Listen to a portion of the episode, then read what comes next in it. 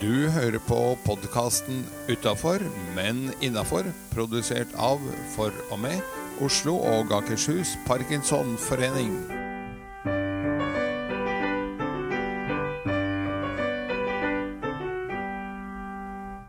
Hei, jeg heter Seri Lind. Og jeg heter eh, Edgar. Og eh, sammen skal vi få en bra start på dagen. For det er et av innslagene i dag. Hvilke andre innslag har vi, Selin? Nei, da har vi jo Parkinson-tipset.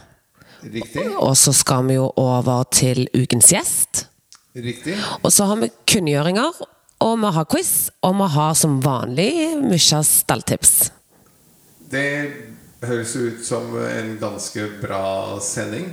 Um, og vi kan jo allerede nå si at ukens gjest er eh, ikke én, men flere. Ja, så kan dere vente i spenning på hvem det er. Riktig. Men eh, bra start på dagen. Har du hatt det, Edgar? Det har jeg hatt. Fordi at eh, jeg går jo en fast morgentur hver eneste innmari dag etter frokost. Så går jeg på tur. Rett og slett for å få kroppen i gang, få leddene i gang. Eh, og underveis så gjør jeg noen små øvelser, så at jeg virkelig får smurt maskineriet. Og eh, Hvilke øvelser er det du gjør? jeg gjør de som kalles Parkinson Wellness Recovery. Som jo dekker både spenst og eksplosivitet og balanse og rotasjon. Og kan du forklare litt, for de som da kanskje nå har lyst til å legge de til i sin tur. Hvordan eh, utfører du de? Du, Da jeg et sted hvor det ikke er så mange andre mennesker. Eh, noen morgener så passerer jeg en sånn tuftepark, hvor det jo er litt sånn eh, gymapparater. Og hvor det står en del andre og trimmer, så det ser ikke så rart ut at jeg slutter meg til og, og står og gjør noen øvelser. Um, den første er jo den gjør knebøy, altså ned i nesten 90 grader. Og så eksplosivt opp. Så eksplosivt som det kan bli når man har parkinson. Og hvor man også slår ut med armene for å åpne overkroppen, åpne brystet, og strekke armene ut. Tøye ut. Eh, Det er den ene. Eh, Den andre er jo hvor man tar da et eh, trinn bakover og igjen slår ut med, med armene og spriker med fingrene. Og så er det den tredje hvor du strekker ut begge armene og roterer litt på overkroppen og klapper hendene sammen foran deg. Kjempebra. Disse finnes, eh, det er flere videoer av på nettet, så det er faktisk bedre å se på videoer på YouTube under Parkinson Wellness Recovery, forkortet PWR, som man da gjerne også uttaler Power. Nydelig. Og det syns jeg vi skal oppfordre alle til å gjøre. Å gå inn der og hente inspirasjon. Og prøve å legge det inn i hverdagen eller på turen. Nemlig. Og hvis du tenker at dette er pinlig ved at naboen står og ser at jeg gjør sånn, så ta det etter at du har gått turen og varmet opp kroppen din, så avslutt turen hjemme på eget stuegulv eller kjøkken, hva som nå passer, og gjør i hvert fall et par av disse øvelsene hver dag. Gjerne 10-12-15 repetisjoner av hver. Flere hvis du orker flere og er i form til det. Og hvis du tenker at nei, ti får liksom være nok, så er det viktigste at du tøyer grensene for deg selv. Og ikke jukser unna, men at du tøyer eh, og tar i litt. Så det var eh, bra start på dagen. Neste er eh, Parkinson-tipset. Og hva er det? Du, Minifakta om parkinson denne uken. det jeg har lyst å nevne Jeg kan jo ikke si at det er noe som er evidensbasert, men det jeg har lagt merke til, og som jeg snakker med mange av mine klienter om, det er at jeg ser at det er en tendens til noe som jeg kaller for delay. Og det er At reaksjonen eh, i kommunikasjonen eh, skjer med at den med parkinson kanskje responderer et sånn nanosekund seinere enn andre ville gjort. Og det kan da f.eks. være hvis jeg forteller deg en vits, og ser deg i øynene, så kan det gå kanskje et lite sekund før du smiler og ler. Eller at eh, en med parkinson som jeg prater med, hvis jeg har glemt å si rett deg opp, se meg inn i øynene når jeg prater, eller når du prater med meg, så kan reaksjonen, hvis jeg spør hvordan syns du det var, så kan det gå et nanosekund før kanskje kroppen retter seg opp, møter øynene, og den svarer 'jo, jeg syns det var hyggelig', eller 'det var ikke for meg'. Og det er jo nok til at jeg som er eh, den du kommuniserer med, kan oppfatte deg da som mindre engasjert. Eller at du ikke har hørt det. Eller at du ikke likte vitsen. jeg skulle til å si har det slått at du ikke er så god til å fortelle vitser. jeg, jeg, visste, jeg tok han før du sa det, for jeg visste han kom. Men, men det er ikke så farlig for meg som jobber med parkinsonister. Men det jeg syns er greit, og grunnen til at jeg har lyst til å nevne det, er at dette er jo noe som pårørende kanskje ikke er så klar over at vi går an å begynne å kalle det for 'der var det en delay', eller at en sjøl kan sette ord på det at 'jeg har delay'. Det er noe med å opplyse de en kommuniserer ofte med, og kunne gi den informasjonen til andre. Sånn at det, både jeg, da, hvis jeg ikke hadde kunnet det så godt, hadde kunnet gi deg den tiden at jeg ikke da begynner å fylle, for vi har jo angst for taushet. Ja. Så da kan det jo være at den andre begynner å fylle uh, tomrommet, og så plutselig så blir det litt sånn Den andre henger igjen i det forrige temaet. Så det er derfor jeg har lyst å opplyse om det, og si at det, det er helt vanlig. Og det er noe vi skal faktisk snakke litt om i ukens gjest, som du nevnte, var flere. For vi skal besøke i dag en torsdagsgruppe som har fast lunsj og samtale. Både for å trene stemmen, men òg for å snakke med hverandre om ting som de opplever. Og en av de tingene er jo delay, spesielt når du lever med en pårørende, som da kan føle at sin egen partner, som har parkinson, er litt uengasjert som da ikke stemmer. Så det å snakke om det hjemme er veldig viktig. Og eh, nå behøver vi ikke å ringe opp eh, ukens gjest, for de kommer jo til deg her. Det gjør de. Så. Men vi tar en liten eh, pianosnutt fra Bjørn Strandvold eh, allikevel. Mens vi rigger oss til. Han er jo en av dem som kommer. ja. Så det syns jeg passer veldig godt. Da hører vi på Bjørn og hans fabelaktige flygel.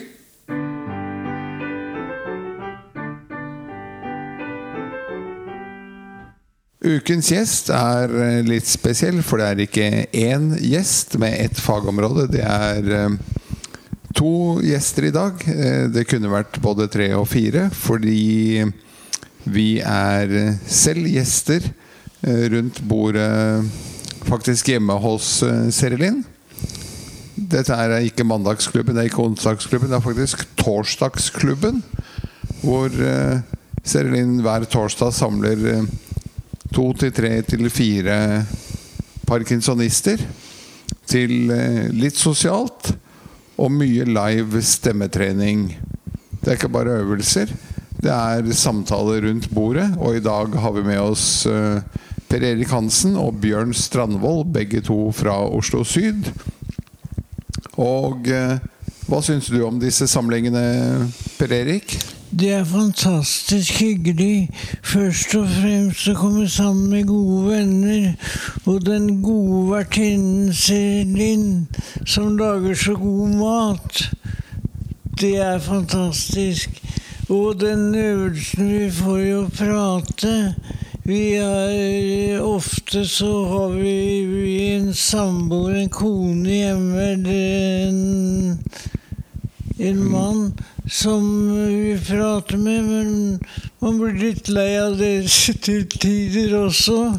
Så dette her å komme sammen og bruke stemmen sin og ha det hyggelig med venner jeg kaller de kaller Parkinson-familien min. Ja, det er hyggelig. Ja, det er veldig hyggelig. Hvor eh, lenge har du vært med på dette? Ja, jeg, nå har jeg ikke akkurat oversikt, men jeg har vært med i noen år. Og stemmen til tross for det at jeg har gått her, har blitt dårligere og dårligere, men sånn er det jo med parkinson det er en progressiv sykdom. Symptomene blir ofte verre og verre, og det gjelder også stemmen, som er et av symptomene. Ja. Og så Bjørn. Hvor lenge har du vært med her? Ja, jeg husker ikke hvor mange år det er. Eh, Men eh, jeg har også vært med i flere år. Og eh, det var veldig hyggelig å komme inn i denne kretsen. Og jeg har jo hatt veldig fin kontakt med, med Per Erik f.eks. tidligere. Men, og, men det er hyggelig å hva skal vi si, å få bruke den kontakten på flere arenaer ved, altså ved flere anledninger. Så, og det er en veldig øh, en fin måte å si, prøve å praktisere det som uh, Seri Linn øh, lærer oss på, på mandagsklubben. Og, og det- som er viktig, er at vi prøver å omsette det som hun kommer med, i praksis. Men her har du ingen uh, brusflasker eller logopedirør eller noen ting? Nei. Her er det bare bordet og uh, gjestene rundt det? Det riktig. Ja da. Så Hva er det da du får praktisert av uh... det er eh, eksempel dette med artikulasjon, og også dette med å, å bruk å pust og um, det- Dette å prøve å sitte riktig, det er eh, sånne ting som, eh, som vi jobber med på, på mandagene, men som da er Og Serilin går rundt og kontrollerer da, men uh, sånn når vi sitter rundt et bord og bare er noen få mennesker, så er det liksom også lettere for henne å, å ha oversikten. Ja. Vil du Eller det var kanskje et dumt spørsmål om du vil anbefale. Hvor sterkt vil du anbefale dette til eh, andre lokalforeninger rundt om, ikke bare i Oslo og Akershus, men ellers i landet? Ja, jeg vil, På en skala fra én til ti, hvor eh, ja, det må bli veldig høyt. Ta, ta det ni, da, for, for eksempel. Ja. Og du, Per Erik, hvor sterkt vil du anbefale andre? Jeg vil øke det til ti. Du øker til blank tier. Blank tier. Så bra. Innertier. Innertier. Hva skal til for at eh, dette skal bli vellykket? Det er vellykket. Det er vellykket. Jeg Men jeg tenker for andre som uh, hører på, som tenker at eh, sånt skulle vi også prøvd. Hvilke faktorer er det som er viktig å få med for at det skal bli bra de må stemmetrening? jo- De må jo først og fremst eh, ta kontakt med en logoped. Det er ikke gitt at alle logopeder kan drive sånn som Cyril Lind. Hun gjør en kjempejobb, og Ja. det er ikke gitt at alle skal gå med på det. Men iallfall er det viktig å uh, de- delta med logopeder. Ja. Hvis um, du skulle si noe selv, Serilin, hva tenker du skal til uh, Hva er det som er suksessfaktoren her? Jeg tenker at eh, en trenger ikke logoped heller. Jeg tenker Det viktigste er jo å møtes. Altså Det jeg ser, er jo at det å møtes og ha en fast klokkeslett og dato og tid eller uke, eh, og at en da møtes. Og alle kan eventuelt ta med seg noe. Det trenger ikke være en som må lage maten. Alle kan ha med seg en kjekspakke eller hva som helst. Og så eh, bare prate og lage en forening. Tror jeg er superviktig. Men eh, Praten er jo det viktigste konversasjonen.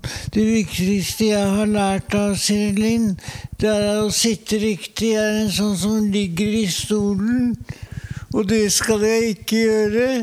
Og så er det dette å puste med magen. Det er kanskje det viktigste. Riktig. Tilbake til eh, de har laget um, Kall det klubbkonsept ut av det. Eh, hvor viktig er kontinuiteten på en skala fra 1 til 10? Kontinuiteten er veldig viktig. Eh, eh, jeg vil si Jeg vil ikke gi ti. Jeg vil, ser ikke så viktig som en tier, men en åtter. En åtter. Og hva sier eh, Bjørn? Jo, jeg kan, eh, jeg kan eh, uten, si det samme som Per Erik. Um, og det som han nevnte med kontinuitet, er veldig viktig. Og um, dette at vi prater om forskjellige ting. Vi prater om ting vi har opplevd siden sist. Og så kommer vi inn på faglige ting, og det er nesten ingen begrensning når det gjelder mm, hva skal vi si, temaer som vi kommer inn på. Hva med politikk? Gjør dere det for å fyre opp hverandre, sånn at stemmen eh, øker i volum, og noen sier 'nå må du skjønne'? Ja, du er inne, på noe der. Men eh, vi har holdt oss unna eh, hva skal vi si, partipolitikken, selv om det er valg snart. Jeg tror jeg kan tenke meg at vi alle blir eh, litt, litt lei av å høre de samme stemmene komme med de samme løftene. Og så hvor man vet at det, ting ikke lar seg gjennomføre i praksis. Så derfor så tror jeg at det er veldig greit at vi holder oss unna. Men ellers sier du er det ingen begrensninger i hvilke tema man skjærer innom? Ingen begrensninger. Så vi tar det ettersom det, faller seg, og, og, og ettersom eh, vi får ideer. Er det noen ordstyrer? Ja, Hvis det skulle være noen ordstyrer, er det vel Seri Linn. Men eh, hun eh, er, eh, holder seg eh, sånn eh, pent i bakgrunnen, egentlig. Så hun, hun eh, Hva skal vi si overlater til oss og, hva skal vi si eh, holde, holde det hele i gang. Og så kommer hun med, med, med stikkord innimellom hvis, vi, hvis det blir, blir en pause. Ja. Er det noe krav til rommet som sådan? Ja. Igjen så tenker jeg på den som hører på podkasten og sier at sånn burde vi også Ja, det bør eh, være god plass. Og så bør det være et rom hvor det ikke er mye etterklang. Sånn at man hører tydelig det som blir sagt. Ja. Men eh, da tror jeg vi bare sier at eh, du som hører på, og tenker at dette var en god idé for å bli bedre i stemmebruken Du kan bare rett og slett ta copy-paste. Eh, En ting jeg kom på, på Da var jeg på vei ut eh, døren, liksom. Men eh, kom på at dere har jo av og til også med en makker som er litt kjent for flere. For han var med i en av de tidligere podkastepisodene og heter Renny Bakke Amundsen. Han har jo en sånn app på iPaden hvor han taster inn svaret eller kommentaren sin. Og så er det nok en litt sånn robotaktig stemme, men dog en stemme som leser opp det Renny har ønsket å si. Hvor bra syns dere det fungerer? Jeg synes at dette har gitt uh, Renny et nytt liv. Fordi at han nå kan delta i samtalen. Selv om det høres litt eh, teknisk og ut, eh, denne stemmen, så er det veldig viktig at den gjør at han får delta. Men det krever litt raske fingre på tastaturet, gjør det ikke det? Jo, men det har han. Ja, jeg tenkte på at det dere kaller parkinsonister, det er jo gjerne et av kjennetegnene ved oss at, eh, at vi blir litt trege og at Ja. finmotorikken Men kan, eh, vi kan jo si at det er en øvelse i finmotorikk eh, igjen? Det er det også, så er det veldig stor forskjell. Bare se på pianisten Bjørn Strandvold, hvordan fingrene hans flyr over tastaturet. Det er ingen som tror at han har eh, parkinson når man hører musikken hans. Nei, det er jo et poeng. Et siste spørsmål. Dette er jo en felle jeg ofte går etter. Jeg sier takk for meg tre ganger eller noe. Men eh, et definitivt siste spørsmål. Hvor viktig er det å møtes fysisk? I motsetning til eh, Zoom eller Teams eller eh, andre lignende verktøy? Det vil nok være litt forskjell hva vi mener om, men jeg syns absolutt at dette å kunne komme sammen og se hverandre og, være sammen i en følelse av fellesskap som du ikke får ved Zoom eller Teams. Hva tenker du om det, Bjørn? Det å møtes eh, fysisk eh, kontra på et av de nye verktøyene? Som jo for øvrig ikke er så ny, for Skype har vi hatt i ti års tid eller noe. Mm. Jeg er også helt enig i det Per Erik sier. For det, er noe med, det blir en annen atmosfære. Og man eh, hva skal jeg si, føler annerledes. Man snakker annerledes. Og eh, den, eh, ja, den fellesskapsfølelsen som man ikke får når man sitter i, i hver sin stue spredt rundt omkring. Og, nettopp. Men det har vært en veldig fin hjelp nå under koronaen. At man har en, hva skal vi si, en metode som, som, fungerer. Det tok jo litt tid for oss å venne oss til det og lære å bruke det på, på en ja, fornuftig og, og, hva skal vi si, fungerende måte. Men uh, det blir helt noe annet å komme tilbake til det direkte menneskelige. Så det er å foretrekke. Altså, man kan da faktisk møtes eh, i et hvilket som helst eh, møterom. På et bibliotek, i en menighetssal, kontoret til noen som fortsatt er i jobb, hjemme i eh, stua til en av dem som er med i gruppen. Ja, ja. Da er det bare å sette i gang. Da sier jeg definitivt takk for at jeg fikk være med nå også i Torsdagsklubben. Og til deg som eh, hører på og tenker at eh, dette var en bra idé, så gjør noe med det. Det blir ukens utfordring litt før ukens Misja-tips, men da er det to utfordringer denne uken. Takk for at jeg fikk være med, og ha et fortsatt godt møte i Torsdagsklubben.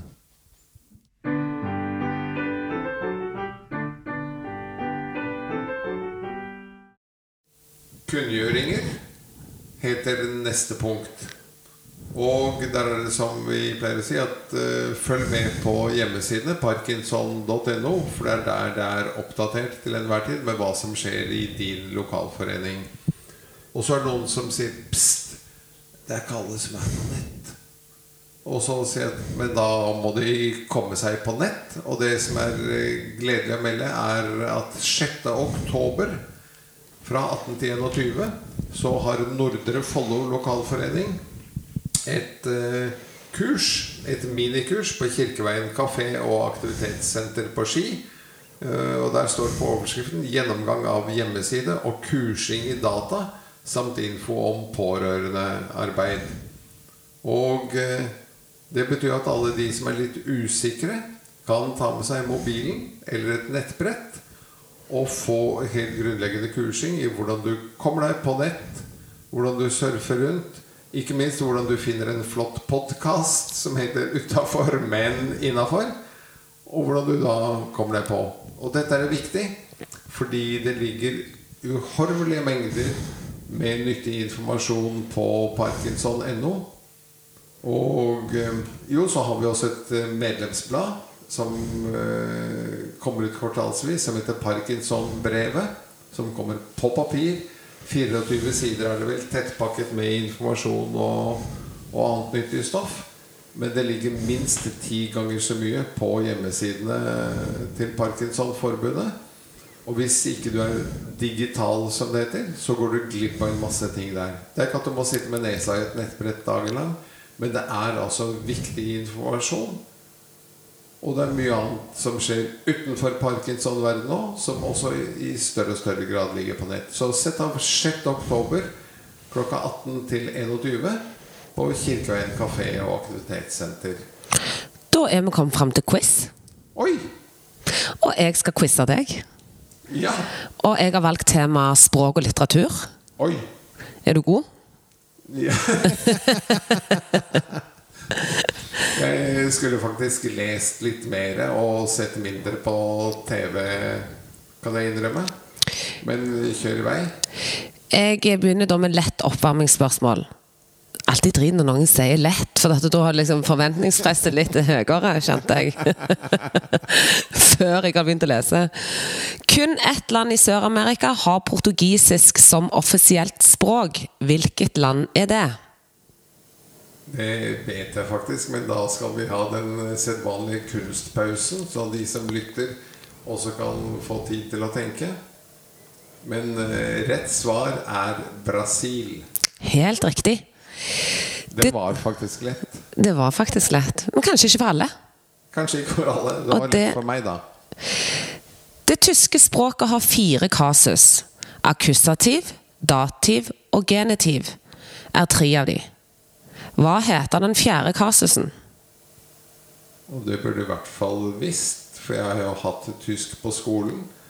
Og eh, akkusativ, dativ, Og genitiv er tre av de. Hva er den fjerde? nominativ, er det noe som heter? Ja, det er helt riktig. Der kom den. Der kom han. Men han, han var der. var Måtte bare hente han fram. Og det er veldig bra. det er faktisk ganske morsomt. Eh, Det oppdager jeg av og til når jeg går på Av en eller annen grunn så er jeg litt sånn magnet når jeg går i byen. Så dukker det på noen tyske turister som spør om det ene og det andre. Og så svarer jeg på litt stotrende tysk. Og så tenker jeg Hvor tok jeg dette fra? Og så oppdager jeg at eh, altså Hva er det blitt? 40 år senere Du er kjempebra. så dukker det opp ting. Ja, Nydelig.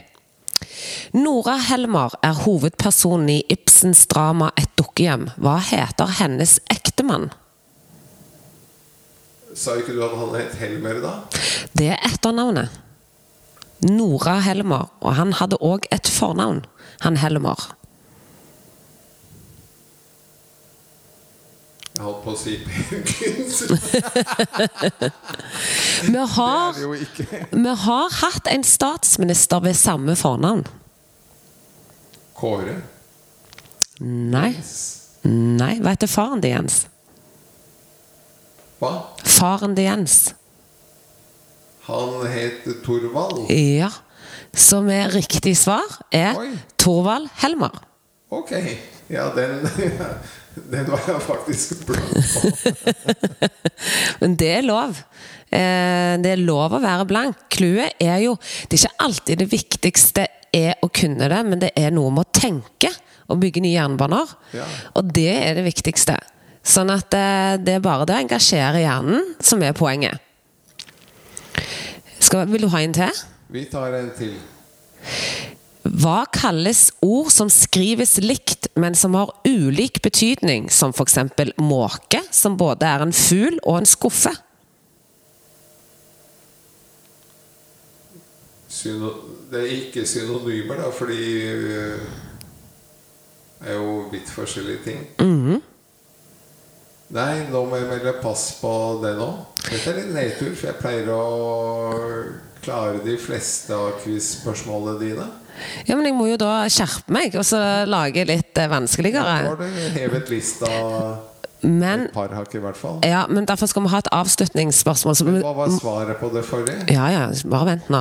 Skal, vi skal gi oss på topp, var det jeg skulle si. Men svaret skal du få. Vi skal bare få de andre hjemme, lytterne, til å tenke litt. De, de har til og med kanskje ikke slått opp allerede på, på Google. Homografier. Ja, Det hadde jeg aldri hørt. Nei, men jeg syns det er litt gøy, for dette, det kunne ikke jeg heller før. Men det er litt sånn eh, Nå kan vi det. Nå kan vi det. Men Ord som heter det samme, men betyr forskjellige ting. Nei, ord som skrives likt, men har forskjellig betydning. Sånn som måke. Ja. Som da betyr både skuffe og måke snø. ja. Eller som i fugl. Eh, og så er siste. Hva slags type litteratur må man ha skrevet for å vinne en Riverton-pris? Den kunne jeg. For da skal du ha skrevet krim. Det skal du. Det var det jeg sa, vi skal slutte på topp. Litt utfordring innimellom. Ja. Bra. Men da skal vi avslutte på topp igjen med et stalltips eh, av Audun Mysja. Det er riktig. Som vi skal fylle på i hverdagen vår. Det er også riktig. Og vi pleier å si at dette er samtidig ukens utfordring. Rett og slett å følge Mysja-tipset og inkorporere det, som det heter, i hverdagen din. Så når han f.eks. sier 'stå på ett ben', så gjør det. Øv på det. Når han sier 'puste godt med magen', så gjør noen pusteøvelser slik som han foreskriver. Og da setter vi rett og slett over til avslutningen med ukens Misha-tips.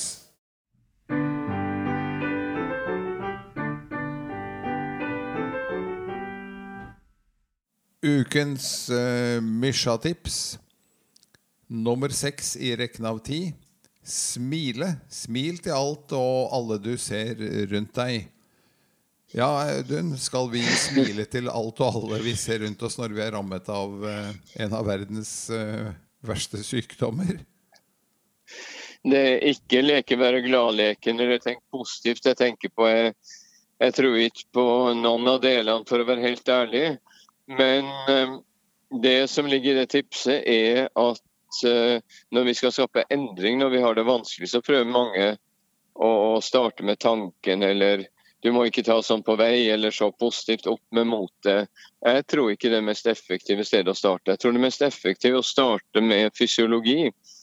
Og vi har snakka om noen, noen, fysiske øvelser, sånn som tøyninger. Mye bedre å starte med det. Når du tøyer bakover, får du mye lettere endra eh, en negativ tilstand. Men noe av det mest effektive er å smile. For når du smiler, så aktiverer du et sett muskler i ansiktet faktisk flere dusin småmuskler som går rett til mestringssystemet i hjernen. Slik at du med en gang du er kanskje nedfor, du vet at depresjon er, er, er eh, høy, eh, høy, forekomst hos eh, parkinson. Og da når du smiler, så kan du starte med det som et falskt smil, bare opp med munnvikene og aktivere musklene. Da vil du finne, hvis du er heldig i ti sekunder, at du faktisk endrer naturlig tankesett og følelsessettet. Så det er eh, det med smilet som jeg snakker om nå, er rett og slett eh, ren fysiologi. Og Samtidig er det også en holdning at du, uansett hvilken tilstand du er i, eh, så kan du faktisk gjøre noe for å endre den. Og Jeg prøver i de ti tipsene og vise de mest effektive endringstiltakene er funnet. Da trenger du ikke å tvinge deg på å føle noe mer glede eller noe mer, tenke noe mer positivt enn, det, eh, enn slik du opplever det der og da. Men, men smilet vil faktisk endre eh, nervebanene dine i hjernen. Så du begynner å tenke på en annen måte. Veldig interessant, og et eh, tilleggstips fra meg selv er at uh, når du er ute og handler og kommer til kassa, så er du et menneske som sitter der, som veldig ofte smiler til deg og sier hei. Og da kan du smile tilbake aktivt, uh, få øyekontakt og si hei, hei. Og det samme når uh, du avslutter og har sveipet kortet for varene du kjøpte i dag. Så sier gjerne personen i kassa at ha en fortsatt fin dag. Og da kan du også, istedenfor å snu ryggen til å uh, marsje ut av butikken, kan du se på vedkommende, smile og si 'takk, det samme til deg'. Og så plutselig får du en connection uh, der. Og neste gang uh, dere ses, så er det et ekte smil. Ja. Så her er det mye å hente ut av noen få, få linjer i Auduns bok. Det var uh, Mysja-tips nummer seks smile. Tre, to, én. Da har vi kommet til uh, det som begynner å bli en gjenganger i podkasten vår. Ukens Mysja-tips nummer syv i rekken av ti. Godta livet som det er. Hva tenker du på da, Audun?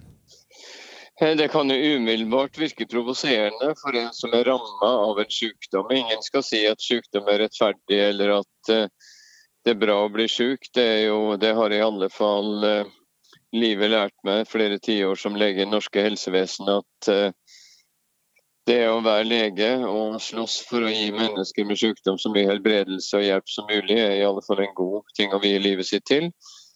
Men Jeg har sett at folk ofte starter med å skulle ønske seg livet annerledes enn det er. Og det er en dårlig eh, plattform for endring, for da, da, skapes det en splitt mellom det som faktisk er tilstanden og det vi skulle ønske. Og jeg tror at endring eh, oppstår når vi står helhjerta der. Og jeg tror at å, å godta at OK, i dag er jeg i dag har jeg en dårlig dag. I, i dag er jeg stiv. OK, det her er utgangsstillinga. Og så kan du begynne da med mange av de tiltakene. Du kan puste. Mange starter med å, å fordype pusten. Du legger merke til at når du er i den stivna, negative tilstanden, så puster du Holder du pusten etter utpust? Etter innpust, mener jeg. Eh, midt i innpustet, kanskje. Og så begynner du å vie ut i større pust. For da kan du begynne å sette inn endringstiltak. Men det å godta deg sjøl akkurat slik du er, det er på en måte, slik jeg ser det, en grunnvoll for å skape positive endringer. At ikke du prøver å tvinge deg til å leke at du er bedre enn du er, for da får du en reell grunnvoll. Og der kan du bruke de andre tipsene. Det, eh, det blir å, å, sikre at de andre tipsene også får en god grunnvoll å virke ut fra. For, eh, for jeg tror at mange sliter med å godta situasjonen sin. Alle sammen sliter f.eks. med å godta aldring. Alle tror at vi skal leve evig, og at vi skal være friske når vi er friske. Og det å plutselig bli ramma av sykdom som parkinson og aldring, det er tøft. Men det tror jeg i alle fall er et godt utgangspunkt. Da sier vi takk eh, for utdypingen der. Det var uh, ukens Misha-tips nummer syv. Godta livet som det er. Eller uh, kan ikke dy meg helt Seri Linn har jo sagt i noen tidligere podkastepisoder Det er ikke hvordan du har det, det er hvordan du tar det. Og det går jo i samme bane. Ja. Tre, to, én. Da har vi kommet til det nesten faste innslaget vårt. Uh, ukens Mysja-tips, hentet fra boken 'Ungdomskilden'. Ti ting du bør gjøre hver dag, som uh, vi porsjonerer ut. Og vi har kommet til nummer åtte i rekken være takknemlig. Hva skal vi være takknemlige for, eh, Audun? Vi som eh, har parkinson? Ja da, igjen de her siste punktene der hvor jeg stiller eh, laglig til for hogg. Eh, for det er igjen absolutt ikke en variant av positiv tenkning eller nå får du være takknemlig, tenk på barna i Afrika. Eh, det er eh, Men jeg har sett at over tid slik en journalist som intervjua meg i forbindelse med boka ungdomskilden snakka om. Det var i hennes aldersgruppe, hun var tidlig 60-år. Det så ut til å være en skillelinje som utvikla seg mellom bitterhet og tap på den ene sida og en evne til takknemlighet. Det, går, det, punktet går mer på hvor setter du fokuset. For, eh, for jeg, vi snakker om å starte med å godta ting som er med. Men derfra, hva gjør du? Jeg tror det er veldig viktig å ha fokus. Jeg hadde sjøl en sykdom i ungdommen og ble frisk. En av komponentene jeg ble frisk, var faktisk det å, at etter hvert som jeg da eh, studerte og ble lege, så var jeg nødt til å sette fokuset på det å hjelpe andre, og fikk et veldig positivt fokus for bevisstheten min. Og takknemlighet er en måte å sette et fokus på. Eh, på engelsk sier de 'count your blessings'. At en hver dag ser på hva har jeg å takke for. For jeg ser at den parkinson-rammede som dyrker det sinnelaget, de eh, får det bedre med årene. Det var du som eh, tok fram det kjente sitatet 'det er ikke hvordan man har det, men hvordan man tar det'. Det er del av holdningene våre eh, gjør over tid at vi, at vi takler kronisk sykdom på en mye bedre måte. Eh, jeg har sett f.eks. at eh, i studiene mine av kreftpasienter, uh, folk som har hatt en helt annen dødelighet enn dere har, som ofte dør i løpet av få år, om de er i 40-50-åra.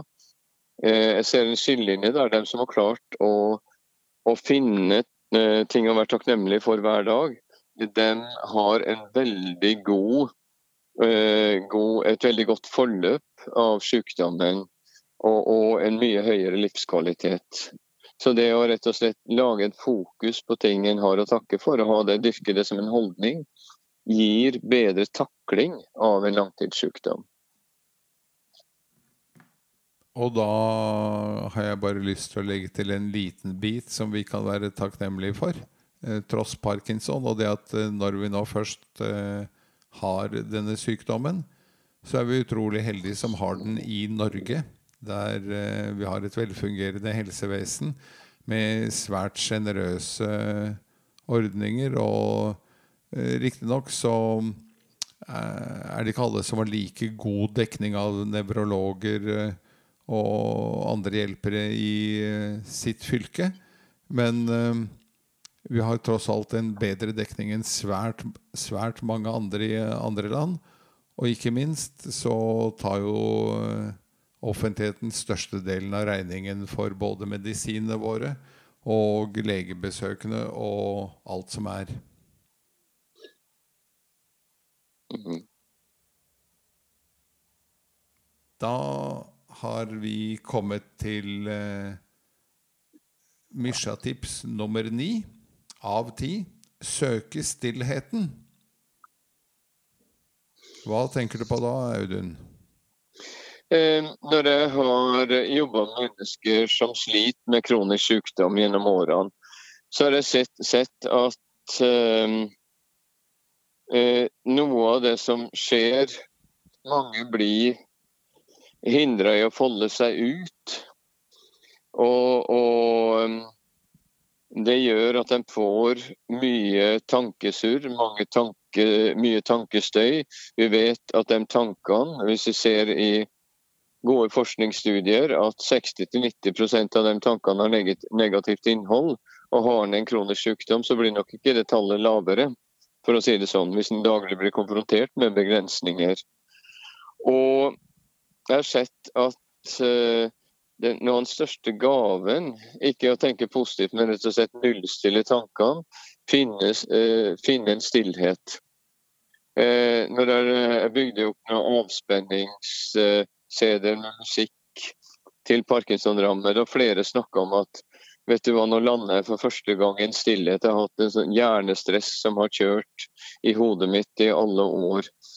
Og Hvis du kan få nullstilt den støyen, så vil hjernen jobbe mer effektivt. Og i stillheten så får du faktisk også en reparasjon. Det er en del fysiologiske gevinster i det her. Hjernen og nervesystemet reparerer seg sjøl bedre. Og i prosjektene mine så har jeg sett, sett at avspenning, meditasjon, stillhet F.eks. jeg hadde en qigong Eh, prosjekt med en dyktig qigong-lærer nede i Vestfold. Eh, som vi fulgte i flere år. Og intervjuene med pasientene var faktisk stille qigong. Det de rapporterte best effekt av. For da stilna hjernen, og folk kunne merke hvordan skjelvinga roa seg, og hvordan de fikk et annet perspektiv. Og at det var noe de kunne merke ga størst effekt på sykdommen, til og med. Så jeg tror i vår høyoktan tid med stimuli inn inn hele tida, så blir stillhet når vi mer og mer må velge eh, å søke hver dag. Og eh, jeg tror at særlig for dem som er rammet av parkinson, med den forstyrrelsene nevrologisk som skjer med sykdommen, så, så, vil det ha noen gevinster som er større enn vi har trodd. Både psykisk og faktisk fysisk. Utrolig bra. Og ikke minst til ettertanke for oss som jo promoterer mye musikk, og ukens musikkliste og det hele. Mm. Så er det at faktisk så skal man av og til gjøre det stikk motsatte, og som du sier, søke stillheten. Ja. Tre, to, én. Da har vi kommet frem til uh, ukens Mysja-tips. Nummer ti i rekken av ti. Og jeg innleder med å, å repetere de første ni. Nummer én var lære noe nytt.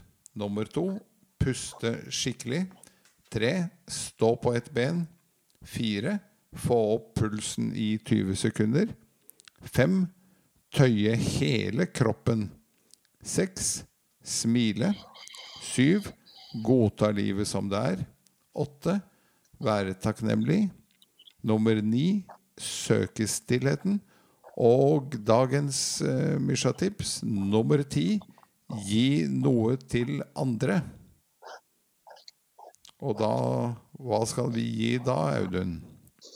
Ja, det, det er jo veldig lett å føle at jeg har mer enn nok med meg sjøl når det rammer av en kronisk sykdom. Men jeg har sett eh, noe overraskende også på mine sykehjemsstudier og mine studier av parkinson, nemlig at en av de uh, litt oversette faktorene uh, er jo rett og slett det at selv om en er begrensa av sykdom, det å virkelig kunne gi til noe utenfor seg sjøl og til andre mennesker ha andre omsorgsoppgaver, det er faktisk en av de faktorene som har sterkest kobling til det å ha en god utvikling eller en god kvalitet til tross for kronisk sykdom. Jeg tror årsakene til det er mange.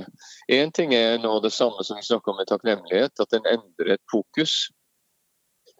Eh, fra For det fokuset vil naturlig ligge Vi vet det er ikke bare på parkinson. Kroniske smerter er jo enda verre fordi at smertene paralyserer deg og, og holder fokuset ditt. Men klarer du å endre fokus, utafor deg sjøl, så er det i seg sjøl terapeutisk. Og da får du andre symptomer. Mange Du er gift, som du sa, men mange med parkinson som har truffet etter hvert med årene, sliter med ensomhet. Mange som får stemmeproblemer, f.eks. føler at de ikke blir forstått når de muller. Eh, eller nedsatt hørsel, slik ting blir vanskelig. Og vi vet at ensomhet og isolasjon er faktisk en av de skjulte store årsakene til sykdom og funksjonssvikt gjennom årene, som har kommet fram i forskninga de siste årene. Og alt det her kan vi koble inn til at det å virkelig engasjere seg i noe utenfor seg sjøl, noe større enn seg sjøl, det er den viktigste faktoren til å ha en god alderdom, om en har parkinson eller ikke. Eh, fordi at kroppen vår vil jo bli ramma av aldring med årene. Eh, men eh, da kobler en seg inn i et større system med at det ikke bare er meg og mitt, men at en får andre impulser, og at en får også, også noe tilbake. Jeg traff ei eldre kvinne som var i rullestol og jobba som frivillig. Eh, allikevel. Og jeg, kom trillende ut av rullestolen og, eh, og smilte så takknemlig til meg eh, og sa det var så stort å få være noe for andre. Hun var sjøl funksjonshemma og, eh, eh, og hadde mange plager, mye smerter men allikevel eh, hun opplevde at det å få gi noe til andre, det ga hun en livskvalitet som varte hele dagen. Så jeg tror at det er en undervurdert faktor i langtidshelse. Det er fabelaktig, og det var et uh, flott uh, punktum for uh, en serie med ti ukens Mysja-tips. tusen takk for at du har vært med oss gjennom ti uker her, Audun. Og takk for flotte bidrag. Og så er jeg sikker på at uh, de som uh, følger disse tipsene, om ikke alle tipsene hver dag, men i hvert fall en håndfull, og tenker på dette her, helt sikkert vil få større glede og en bedret livskvalitet. Tusen takk skal du ha. Sjøl takk, det har vært en glede. Vi holder kontakten, Edgar. Ha det godt, du. Du har eh, hørt på podkasten Utafor, men innafor, produsert av For og med Oslo og Akershus Parkinsonforening. Vi håper du har hygget deg, og ønsker deg hjertelig på gjenhør i nye sendinger.